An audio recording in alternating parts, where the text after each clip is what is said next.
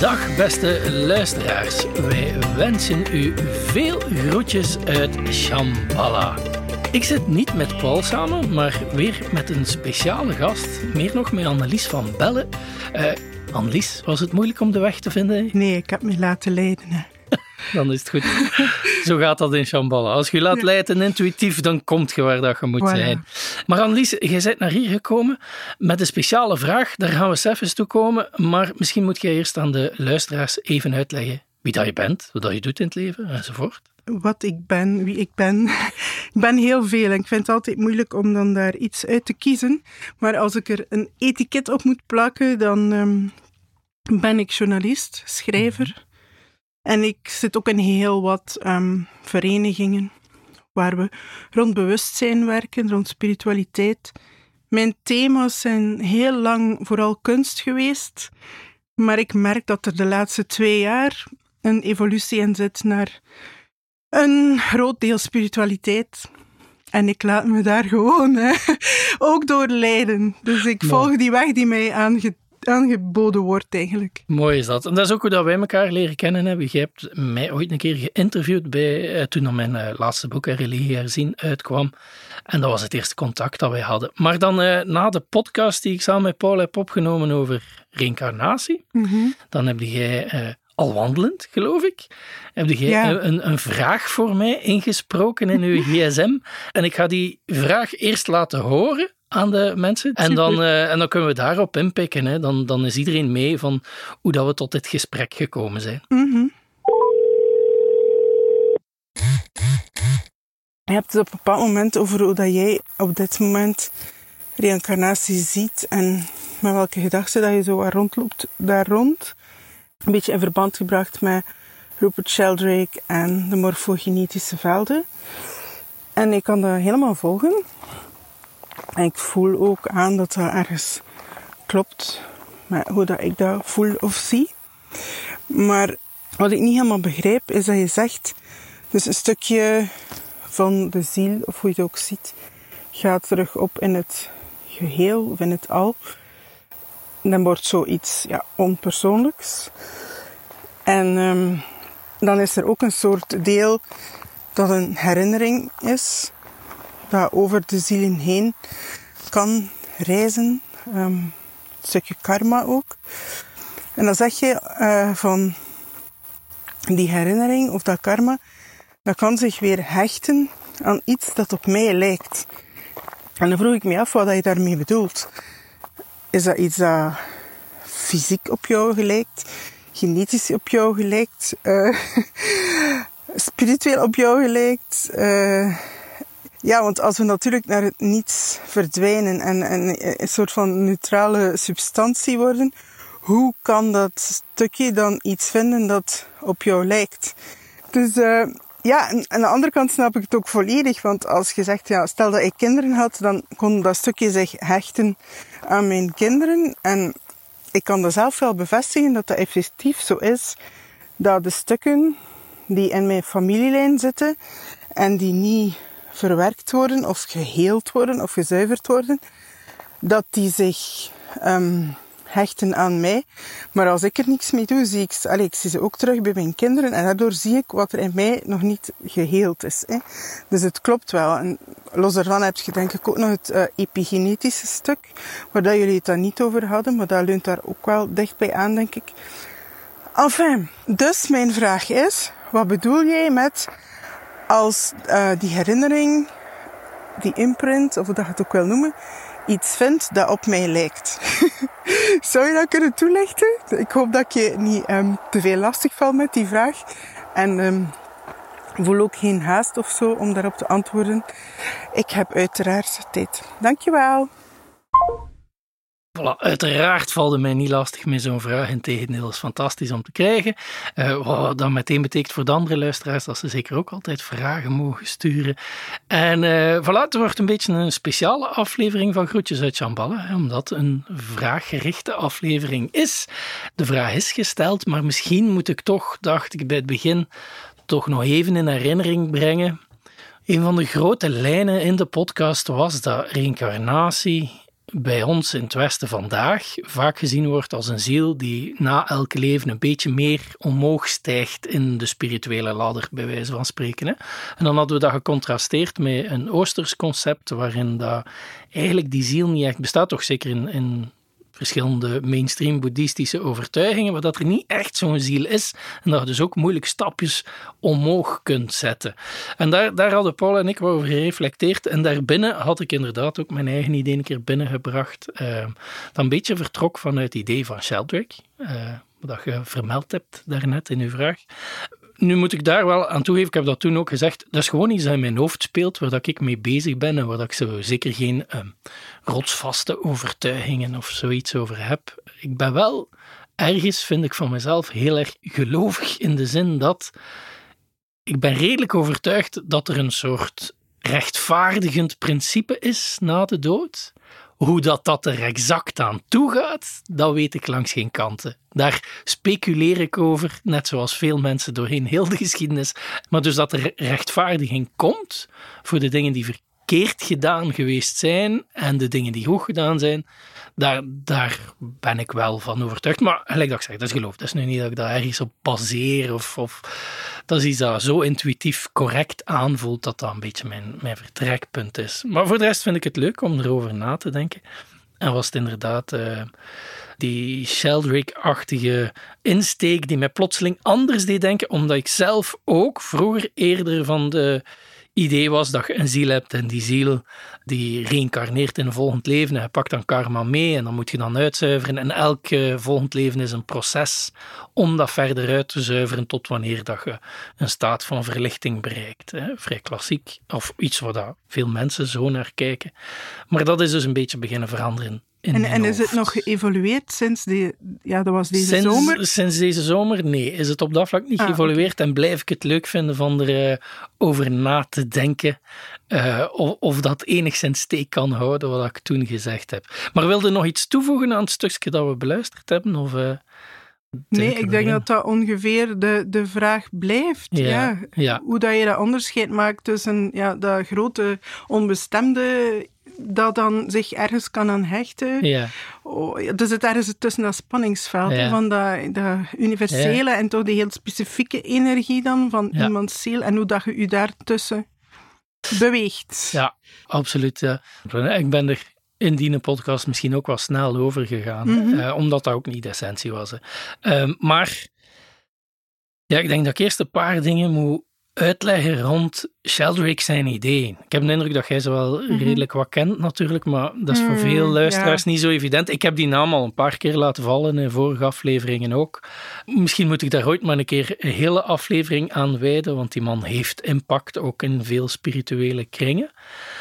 Maar interessant genoeg eh, ja, moet je daar vaak ook een paar nuances onmiddellijk bijbrengen als je het over Sheldrake hebt, want die ligt natuurlijk niet zo goed in mainstream wetenschappelijke mm. academische middens. Hè. Mm. Uh, en dus daar even voorafgaand, voordat ik Sheldrake zijn ideeën uit de doeken doe. Ik ben heel erg fan van Sheldrake.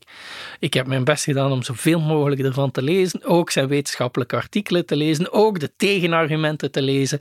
Ook zijn tegenargumenten op de tegenargumenten. Enfin, redelijk diep en ver ingegaan. En voor mezelf tot de conclusie gekomen dat het helemaal geen waar is dat het een pseudo-wetenschappelijke man zou zijn. Of dat hij een charlatan is of wat dan ook. Nee, de dingen die hij aanbrengt, je kunt er niet mee akkoord zijn, kan best, maar wat hij naar voorschrijft is meer dan bediscussieerbaar en is iets waar je ook grondig kunt over discussiëren, omdat hij ook argumenten aan de ene kant, maar ook wetenschappelijk bewijs aanbrengt. Alleen letterlijk wetenschappelijk bewijs met double blind tests enzovoort. Mhm. Bijvoorbeeld als het gaat over zijn telepathietesten. Maar dus uh, de man heeft het wel over heel erg veel. En een van zijn kernconcepten was morfogenetische velden, inderdaad. Hè. En die morfogenetische velden om dat heel kort te schetsen voor mensen, dat komt eigenlijk neer op zijn poging van te achterhalen hoe komt het dat dingen vorm hebben. En dat klinkt als een zeer abstracte vraag, maar dat komt erop neer waarom hebben alle mensen vijf vingers en geen zes, uh, bijvoorbeeld. En waarom zien ja, mensen er zo uit, lopen ze rechtop en met twee armen en twee benen, en is dat bij andere beesten helemaal anders? En waarom zit daar zo weinig variatie op bij verschillende soorten? En dan is morfogenetische velden eh, zijn, zijn uitleg daarvoor. En dus niet genetica. Hè? hij vermeldt daar ook even genetica. En epigenetica is dan nog iets anders. Hè? Epigenetica is zo de nieuwste genetica-onderzoeken waarbij dat mensen Waarbij dat gemerkt is dat door de ervaring die mensen opgelopen hebben, dat er veranderingen aan hun genen kunnen gebeuren die doorgedragen mhm, worden mhm. op hun kinderen. Hè. Daar komt het op neer. Pakweg trauma's, mensen die trauma's hebben, en dat dat dan een effect heeft op de psyche van hun kinderen. Dus dat is uh, behoorlijk nieuw onderzoek. En dat inderdaad ligt misschien wel in de lijn, maar dat is niet wat Sheldrake het over heeft. Hè. De metafoor waarvan dat ik vind uh, dat de helderst maakt wat dat zijn visie is. Genetica volgens hem, dat gaat over welke bouwmaterialen gebruiken we. En eh, net gelijk voor een huis heb je bakstenen en heb je hout voor je dak te maken en dakpannen erop enzovoort. Dat is voor hem het genetisch materiaal. Maar zegt hij, in dat genetisch materiaal zit er geen plan van hoe dat je dat huis moet bouwen. En de vraag is, hoe, waar komt dat dan vandaan? Hoe weet zo'n lichaam dat mhm. dat die vorm moet krijgen? Mhm. Want genetisch materiaal codeert voor aminozuren. En aminozuren, dat zijn dan die bouwstenen. Mhm. Dus dat is, dat is een beetje hoe dat in naar genetica kijkt. Maar zijn, zijn morfogenetische velden, dat is dan een dubbel concept. Dubbel in de zin van, enerzijds is dat hetgeen dat inderdaad de architecturele plan is, maar het is ook iets dat zich in de tijd beweegt, in de zin van dat meepakt wat uit het verleden is gebeurd om de toekomst vorm te geven. Hoe gaat je eruit zien? Morfogenetische velden hebben inherent herinnering in zich. Mhm. En dus alles wat gelijkt op het voorgaande, dat zit in die vorm ingebakken. Maar dus de vorm komt vooraf, of het, het idee van de vorm, bijna, bijna platonisch. Zo. Een beetje eigenlijk Plato met zijn vormen, maar niet helemaal dat. Niet dat ooit in de geschiedenis heel in het begin helemaal klaar lag van hoe dat alles er ging uitzien. Maar dingen nemen vorm, stilletjes aan, en een keer dat ze die vorm hebben, dan zal het waarschijnlijker zijn dat die vorm zich opnieuw zal voordoen. Mm en dus gaat het op zich over gewoonte bij Sheldrake, omdat hij ook naar het universum kijkt als een organisch geheel.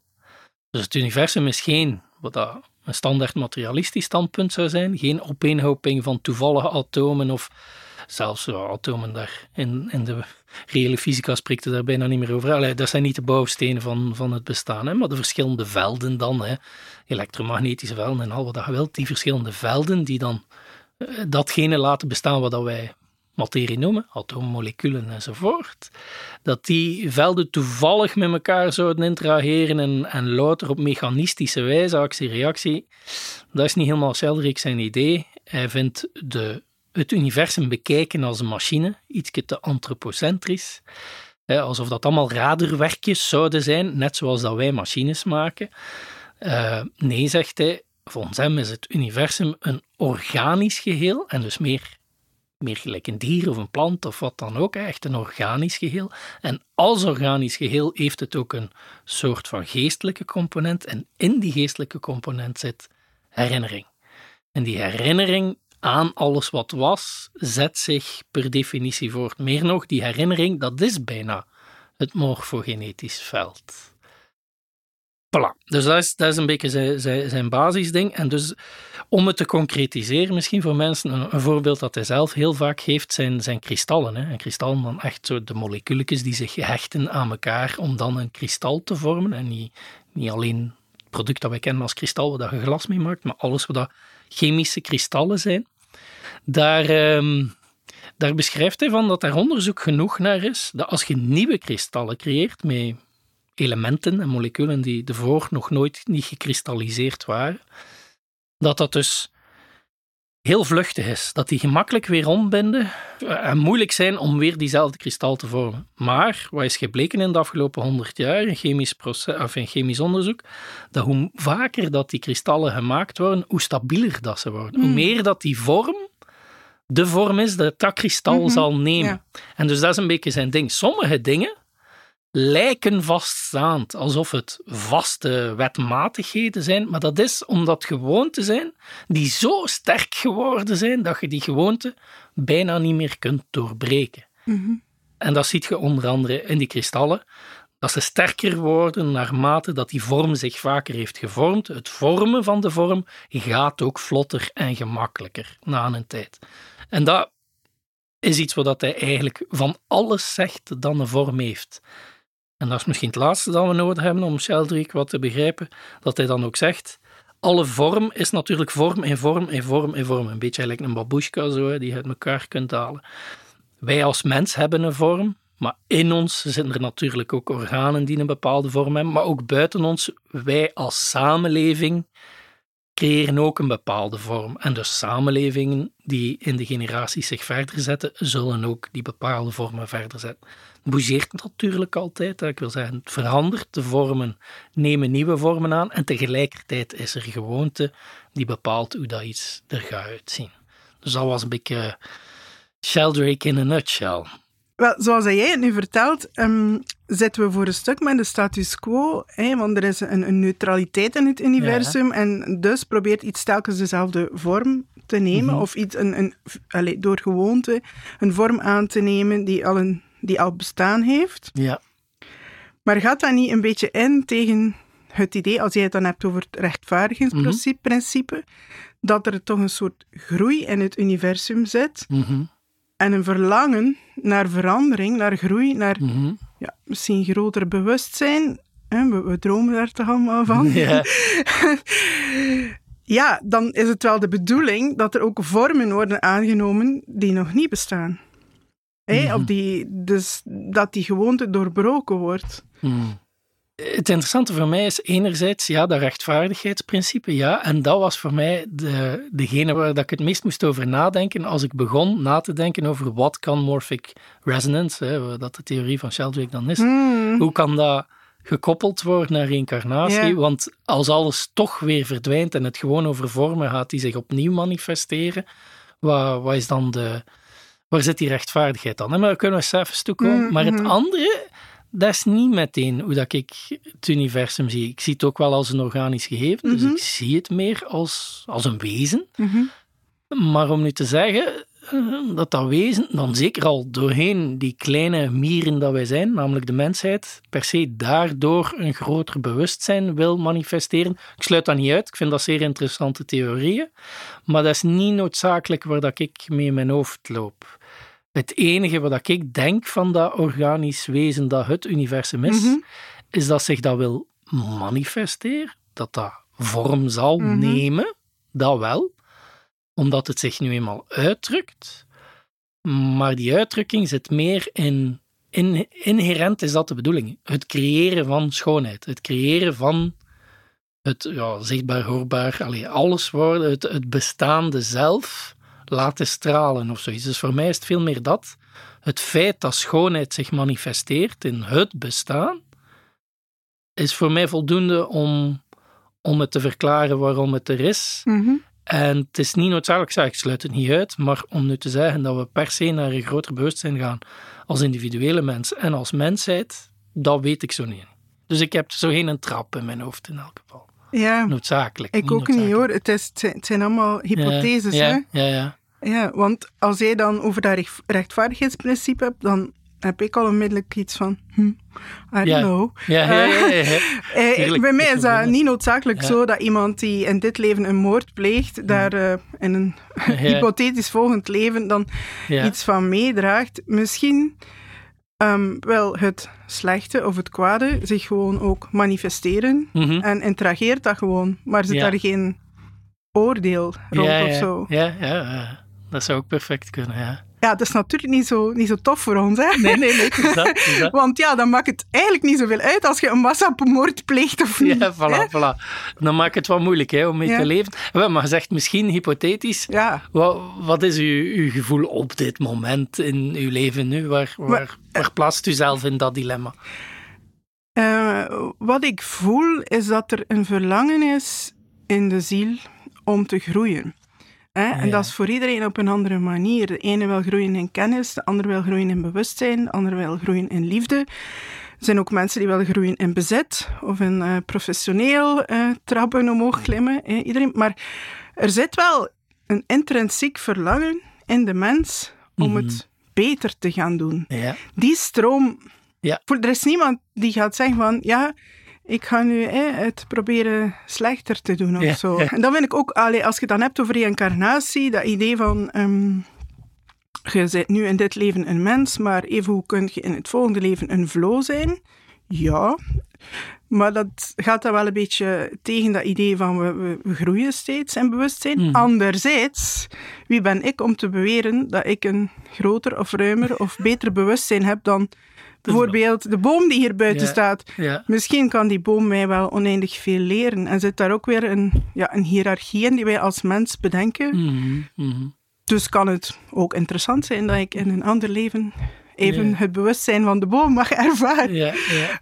Maar allee, zelf heb ik helemaal geen, ehm, zoals Paul in het vorige interview, geen uitgesproken visie over reïncarnatie. Ja, maar dus ehm, hetgeen wat ik interessant vond aan Sheldrake's idee is om juist het hele concept van ziel weg te halen. En dat was Mhm. ook, eh, ook vanuit de optiek. van Ja, ik had een bepaalde kijk op reïncarnatie, maar ik wist wel al ergens zonder me er zwaar in te verdiepen, wist ik dat dat niet de klassieke boeddhistische visie was en dat daar inderdaad de mens als zodanig niet bestaat. Dat vond ik interessant, omdat iedereen die er ook maar twee seconden over nadenkt, op zijn minst beseft dat fysiek dat inderdaad niet het geval is, maar dat er wel reïncarnatie bestaat. En daar bedoel ik simpelweg mee. Stel zelfs dat je een materialist bent, ik bedoel filosofisch Mhm. materialist, die denkt dat atomen en moleculen het enige zijn dat er bestaat in bestaan. Ah ja, dan nog, mijn lichaam zal zich ontbinden Ja. en al die moleculen gaan ergens anders in terechtkomen. Eerst maar in de maar grond. en dan- lichaam ontbindt zich ook terwijl dat je Terwijl dat je bezig zit, bent. Voilà. En dus al die moleculen die verweven zich sowieso Mhm. weer met de andere moleculen in de wereld en nemen een totaal nieuwe vorm Mhm. ergens ooit.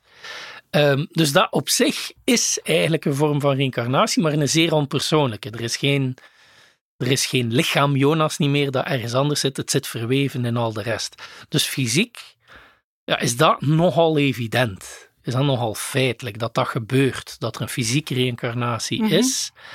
En dus dan vond ik dat ook wel interessant. Dat, dat stond voor mezelf filosofisch een beetje haaks over hoe dat ik dan over het geestelijke denk. Nu, dat kan, hè, dat geestelijke iets helemaal anders is dan het fysieke. Maar ik heb nogal... Mm. Ja, wel, dat de is... de- natuurwetten. mm. Ah, ja, maar ja, zijn het natuurwetten of zijn het gewoon net? Ja, ja, daarmee dat ik. Sheldrake zo interessant vind. Zijn het, zij- want wetten zijn ook iets menselijk. Hè. Wij maken wetten onder elkaar, maar waarom zou de natuur dat doen? Hè? Ehm, Maar dus, in elk geval- Wetmatigheden. Hè? ja, ja. Komt al zoiets. dichter bij gewoontes, Kom, hè? Dichter bij gewoontes, ja. Ehm, maar ik vind gewoontes dan toch nog net iets anders, omdat ze, omdat ze ook die herinnering nodig hebben. En niet vooraf gegeven Mhm. zijn, of bepaald zijn, of doordacht zijn, of wat dan ook, maar meer gegroeid zijn vanzelf. Ehm, maar goed, dus daar was ik dan over aan het nadenken. Vooral omdat ik geen dualist ben. Dus daarmee even terug inpikken op, ja, dan, dan zou dat wel zijn dat er een andere realiteit is voor het geestelijke dan voor het fysieke. Dat is voor mij, in mijn filosofisch kijk op de wereld, moeilijk.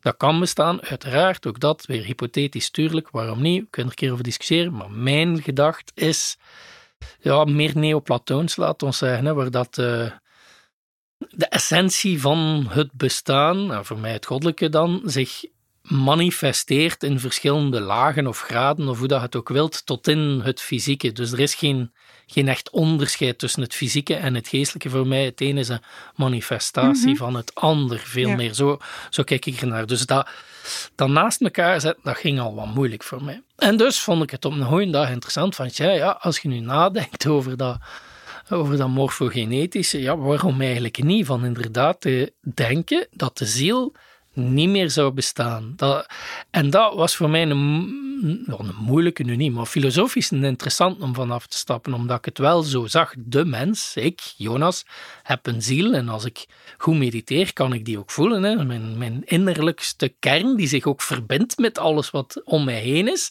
En Maar is daarmee dat uw ziel? vol. Is dat uw Ah, ziel? wel, dat is dan de vraag. Is dat dan uw ziel? Maar dat is hoe dat veel mensen naar kijken, ik zeker ook. En waar ik nu zo beetje bij beetje dus begin van af te stappen van nee, misschien is er helemaal geen ziel als zodanig. Oké, maar wat betekent dat dan? Wat gaat er dan wel nog over naar volgende levens? En dat was mijn punt een beetje. Nee, misschien gewoon helemaal niks. Jij verdwijnt, uw geestelijkheid, net gelijk uw fysiekiteit, die lost zich op in het grotere geheel. Maar dus, een beetje inhakend op uw vraag die je in het begin gesteld hebt, nee, daar blijft ook niks zogezegd aan hangen. Want er is niks om iets aan te hangen. Dat Ja. is er niet. Ja, Dat is gewoon weg. ja, Dus er is zo geen persoonlijke ziel. Maar er is wel herinnering. Mhm. In het, universum, eh, in het universum zelf, dat een organisch wezen is, dat onthoudt wat er daar is geweest. Tot in het kleinste detail. Maar dus ook in grotere groepen. En dus wat ik heb binnengebracht in mijn leven aan het morfogenetisch veld. In eerste instantie, en dan, dan komen we aan die, die holons, hè, gelijk dat Mhm. Sheldwick dat noemt, die verschillende lagen. In eerste instantie de mensen die heel erg op mij gelijken. En ja, dan bedoelt hij dat vaak echt wel fysiek, Sheldwick. Dus mijn broers, mijn zussen en mijn neven en mijn nichten en alles wie dat daarna gaat komen, die genetisch in, in zekere zin verband met mij houdt, die familiaal met mij verband houdt, die dus geschiedkundig heel erg nauw bij mij staan, die waarschijnlijk fysiek ook op mij gaan gelijken, onder andere door de genen enzovoort enzovoort. Dus de die die dichtst bij mij staan, die gaan het meest invloed ondervinden van de manier waarop dat ik geleefd heb. Dus de herinnering aan wat ik geweest ben, heeft een eh, impact op hoe dat de volgenden die op mij gelijke vorm gaan nemen. Maar bij extensie geldt dat voor heel de mensheid. En als ik er zo over nadacht, dan, dan kwam heel dat concept van rechtvaardigheid voor mij wel weer terug. Van ik besta niet meer, maar wat ik gedaan heb, heeft wel zijn invloed op al wie dan na mij komt, de gehele mensheid. En plotseling, wat ik er interessant aan vond, is dat mij die loskomen van dat vorige idee van rechtvaardigheid in een meer Ja, individualistisch ja, ja, zielconcept naar een nog veel grotere rechtvaardigheid, omdat Ja. je plotseling instaat, samen met de rest van de wereld, hè, niet alleen uiteraard, hè, maar samen met de rest van de wereld, sta jij in voor de vorm die in de toekomst zal bestaan. ja, want dan wordt de vraag, wat wil ik toevoegen aan het veld? Ja, voilà, dat, dat wordt dan de vraag. Wat wil ik toevoegen aan het morfogenetisch veld? In eerste instantie van mijn familie, Mhm. van de mensen in mijn samenleving, eh, de directe samenleving rondom mij en de mensheid als geheel. En, en wil ik daar een hele hoop vuiligheid en negativiteit aan toevoegen, of wil ik daar Ja. constructieve, helende, ehm, positieve elementen aan toevoegen? Dat is dan inderdaad de vraag. En het wordt voor mij ook onontloopbaarder. Want ergens heb ik wel altijd het gevoel gehad met zo'n meer individualistische zielsreïncarnatie. Ergens heb ik altijd wel gedacht, ja, als je het zo bekijkt en je noemt dat rechtvaardigheid, van je moet zuiveren en gaat karma krijgen en dan eh, komt het gelijk een boemerang in je gezicht terug, hetgeen dat je hebt uitgesproken in je leven. Ja, maar dat is niet echt jij, hè. Echt bewust zijt u daar toch niet van, van die volgende. Dus als je daar echt op doordenkt, dan kun je eigenlijk gemakkelijk zeggen, "Pff, maar nu hang ik het uit. Het is voor mijn volgende manifestatie om het uit te zoeken, maar dat staat zo ver van u. Even ver als dat we hebben met mensen die in Mhm. andere continenten wonen, dat we het ons ook niet aantrekken, hè, wat Ja. we hen aandoen. En dan dacht ik, ja, maar stel dat nu zo morfogenetisch werkt, dan wordt dat gelijk wat anders. Want dan moet je al tegen jezelf zeggen, ik trek het mij allemaal niet aan, wetende dat uw kinderen en uw kleinkinderen en wie dan ook allemaal iets aandoet. Het kwam ook dichter voor mij door het plotseling zo te zien. Plotseling is het iets dat je merkt dat impact gaat hebben op de mensen die je het meest graag ziet in de Mhm. wereld. En dan wordt het weer wat anders. Dan wordt wel geappelleerd van oei, hier moet ik iets mee. En dat vond ik eigenlijk interessant aan wat je in uw vraag zei, van, dat je dat merkte bij uw kinderen. Ja. Dat de dingen die jij niet Ik was er ook juist aan kun aan je, het denken. kun, kun je dat concretiseren of, of is dat dan te persoonlijk? Nee, maar ik wil, ik wil eerst iets anders Ja. die daar ook bij aansluit en die eigenlijk jouw visie een beetje kan bevestigen. Ook is, dat, is, dat, nou, is dat nog een heel subtiel aanvoelen van Ja. mij. hè. Ik bekijk de dingen vaak ehm, energetisch. Ja. En wij hebben de laatste jaren redelijk wat mensen verloren in onze omgeving. ehm, in de familie ook. Mhm. Dus ik heb dat proces van sterven en wat daarna gebeurt, verschillende keren kunnen van dichtbij zien. En wat mij opviel, maar ik zeg dat is mijn volledig persoonlijke observatie, dat in die, zeker in die eerste week na het sterven, er een heel bijzondere, liefdevolle energie hangt, waarvan dat je bijna zou kunnen denken dat dat de energie is of de manifestatie van die persoon die gestorven is, dat dat bijna u omhult. Mhm. Waardoor dat, dat sterven die eerste periode ook zachter wordt. Die shock wordt precies opgevangen door degene die fysiek weg is. De rauwe pijn komt erna. Hè? maar meer, ik zag plots, hè, als grootouders stierven en zo, zag ik kleine trekjes, zowel in de gezichten als in het gedrag, als in de woorden van de mensen om me heen. Dus de, de familieleden van degene die gestorven is. En dat duurt heel kort, dat is zo die eerste week. Dus dat was precies alsof, als je dat nu probeert wetenschappelijk te mhm. duiden, dat die herinnering, mhm. die dus, ah, kijk, ik, ik heb wel als ik het vertel, die dus niet meer zich kan manifesteren in het lichaam dat weg is, een weg zoekt in hetgeen dat het kent. En waar vindt het dan een weg? Volgens mij in de, de plekken waar dat het via liefde mee mhm. geconnecteerd is, of via een of andere energiekoord. Hè. En je ziet plotseling ja, een stukje van de mens die gestorven is in de anderen die hem of haar omringden. Dus dat vond ik mm. heel uh, bijzonder. Dat duurt wel maar even. Hè. Mhm. Daarna, I don't know what happens. Maar ik vond allee, die eerste tijd is dat heel, was dat voor mij heel zichtbaar. Okay. Dus dat zijn zo wat bevindingen die wel ergens tonen dat die herinnering waar jij het mogelijk over hebt, zich wel een weg zoekt en effectief in dus degenen die je ja, nabij zijn. Mm. Wat dat jij daar pas over had, dat is eigenlijk nog iets anders. Hè? Dat zijn bepaalde trauma's of pijn of uh, onopgeloste zaken dat je meedraagt. Mhm. Als je die zelf niet oplost, dat die zich dan doorzetten. Daarvoor hoef je niet te sterven, denk ik. Nee, nee, um, dat zie je al onmiddellijk. Um, ja, Als iedereen nog leeft, gebeurt dat ook. Hè. Maar ik voel dat wel zelf aan. Dat je, ehm, als je met bepaalde dingen aan de slag gaat, dat dat dan minder, allez, niet meer in het terugzakje zit van, van mijn kinderen of zo. En als ik eh, bepaalde zaken wel bij hen zie, waar ze nog mee worstelen, dan is dat voor mij onmiddellijk een spiegel van, ah, maar dat is iets wat jij doorgegeven hebt. Dus daar moet je nog gaan werken.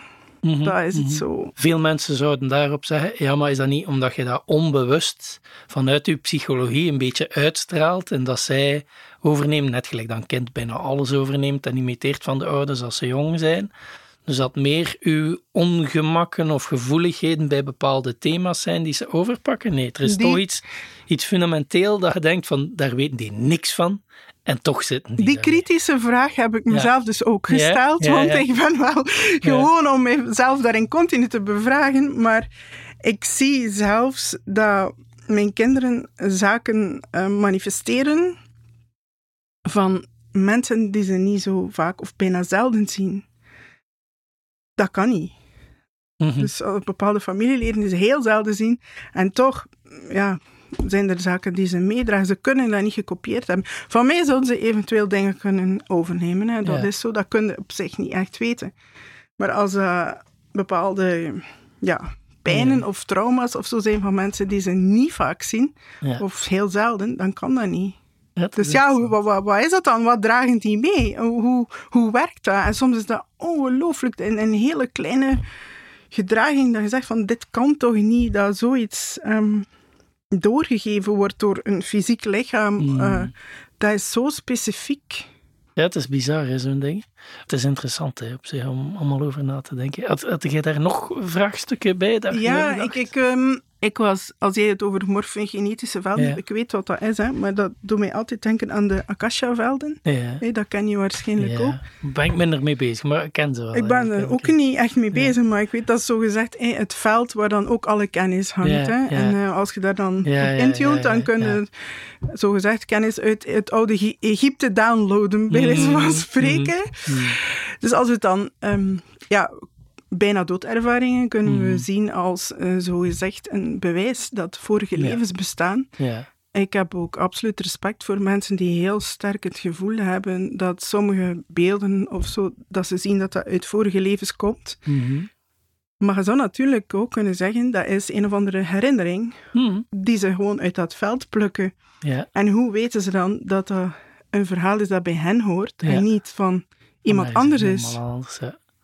Denk dat dat een moeilijke is, ja. Maar ik heb mij nooit in die literatuur verdiept. Ik weet dat er zoveel boeken zijn die echt wel duizenden verhalen van, Hmm. van reïncarnatie, eh, gevoelens of, of, of ervaringen beschrijven. Maar ja, ja ik, dat is ook een vraag dat ik mij zou stellen. Hoe weet je dan nu dat het een of het ander is? Weet je, er is ook zo een metafoor dat, dat Paul aanbrengt. Uit, uit boeddhistische contexten komt die dan, hè, waar dat, om reïncarnatie uit te leggen, hè, dat je Lucifer aansteekt. Eh, Ah ja, en dat, is je een ongelooflijk schoon dat is beeld. een schoon beeld, hè? En dat je dan de volgende Lucifer aansteekt. Eh, ja, oké, is, dat nu, is dat nu dezelfde vlam of niet? Eh, dooft Ja. de ene, is die volgende dan dezelfde vlam of niet? Zeer moeilijk om te antwoorden. Maar het is ook daar dat ik Morphic Fields heel interessant vind. Want de vlam brandt wel gelijk een vlam. Die, die gaat niet plots regen worden of zoiets. Ik weet toch Ja. wel dat dat moleculair, die kan me wel Ja. zeggen, die neemt wel diezelfde genre vorm aan als die vorige vlam. Is het helemaal dezelfde? Nee, maar ja, zo wordt het evidenter om erover na te denken. En dan is inderdaad de vraag, al die mensen die inderdaad die ervaring hebben van iets zich te herinneren uit de vorig leven of, of wat dan ook, of bijna doodservaring die zoiets binnenbrengen, wat zijn ze dan aan het ervaren? Hè? Want als er zo geen ziel is, of toch geen bewustzijn dat zich netjes overzet van het een naar het ander, dan kan dat eigenlijk ook niet dat dat dat is. Dat hangt er een beetje vanaf hoe dat in realiteit eruit ziet. Ehm, maar dus dan zou dat inderdaad even goed een bewustzijn kunnen zijn van Ja. ergens anders, een herinnering die daar ergens hangt. Maar dat is dan voor mij nog een vraag. Hè, dat, als ik er dan over blijf door nadenken, van ja, dan, bots ik daar wel Ja, tegen vraagstukken ja. van ja, als ik het heb over herinneringen, en het is daarom dat ik het woord gewoonte ook wel belangrijk vind, denk nu niet dat ik die herinneringen concreet zie. Mhm. Als in echt u mentaal Nee, een nee. beeld hebben nee. van, het is niet dat dat ik denk dat overgaat, maar wel effectief de gewoonte van hoe doe je de dingen. En dan vind ik woorden gelijk trauma en zo misschien beter. Niet dat de, hetgeen dat gebeurd is herinnerd wordt drie generaties later, maar Nee, dat niet. dynamiek, het proces waarin dat mensen zich bekneld gaan voelen. Dat is niet omdat ze anekdotisch, zo... hè? Nee, Dat nee. is op een heel ander niveau. Dat is op een heel ander niveau. Ja. En, en dat vind ik wel vatbaar. En volgens mij is dat dat door. En dat is ook veel meer gewoonte. Mhm. Gewoonten zijn dingen die je doet en die vastzitten in een patroon. Zo, hè? Mhm.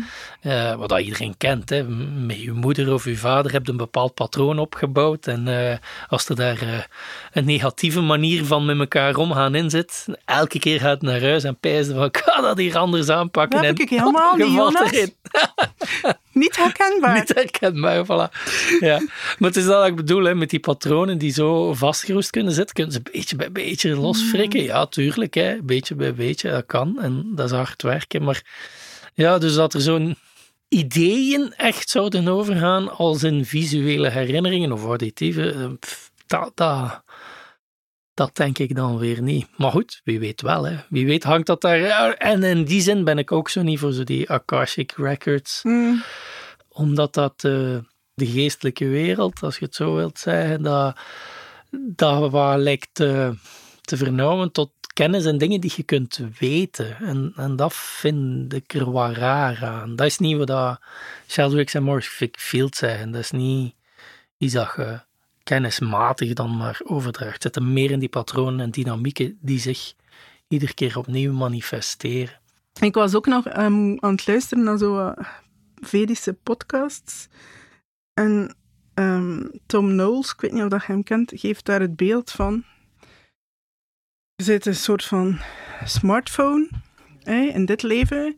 En dan wordt alles gewist. Dus alle mogelijke specifieke kennis van die smartphone wordt gewist. En dan is dat, het, eh, wordt dat doorgegeven. Dus zij zien dat wel echt als...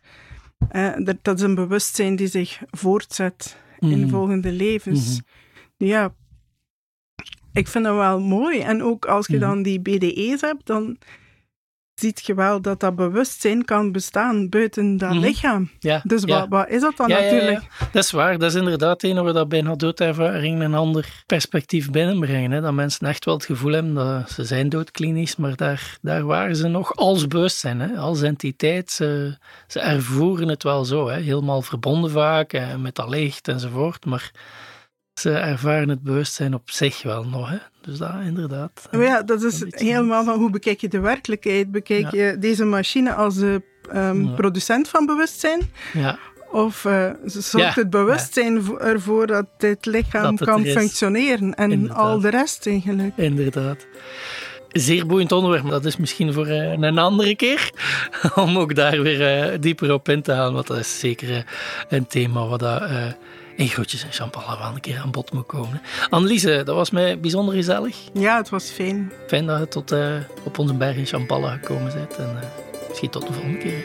Dank u wel om mij hier te inviteren. Het was heel fijn.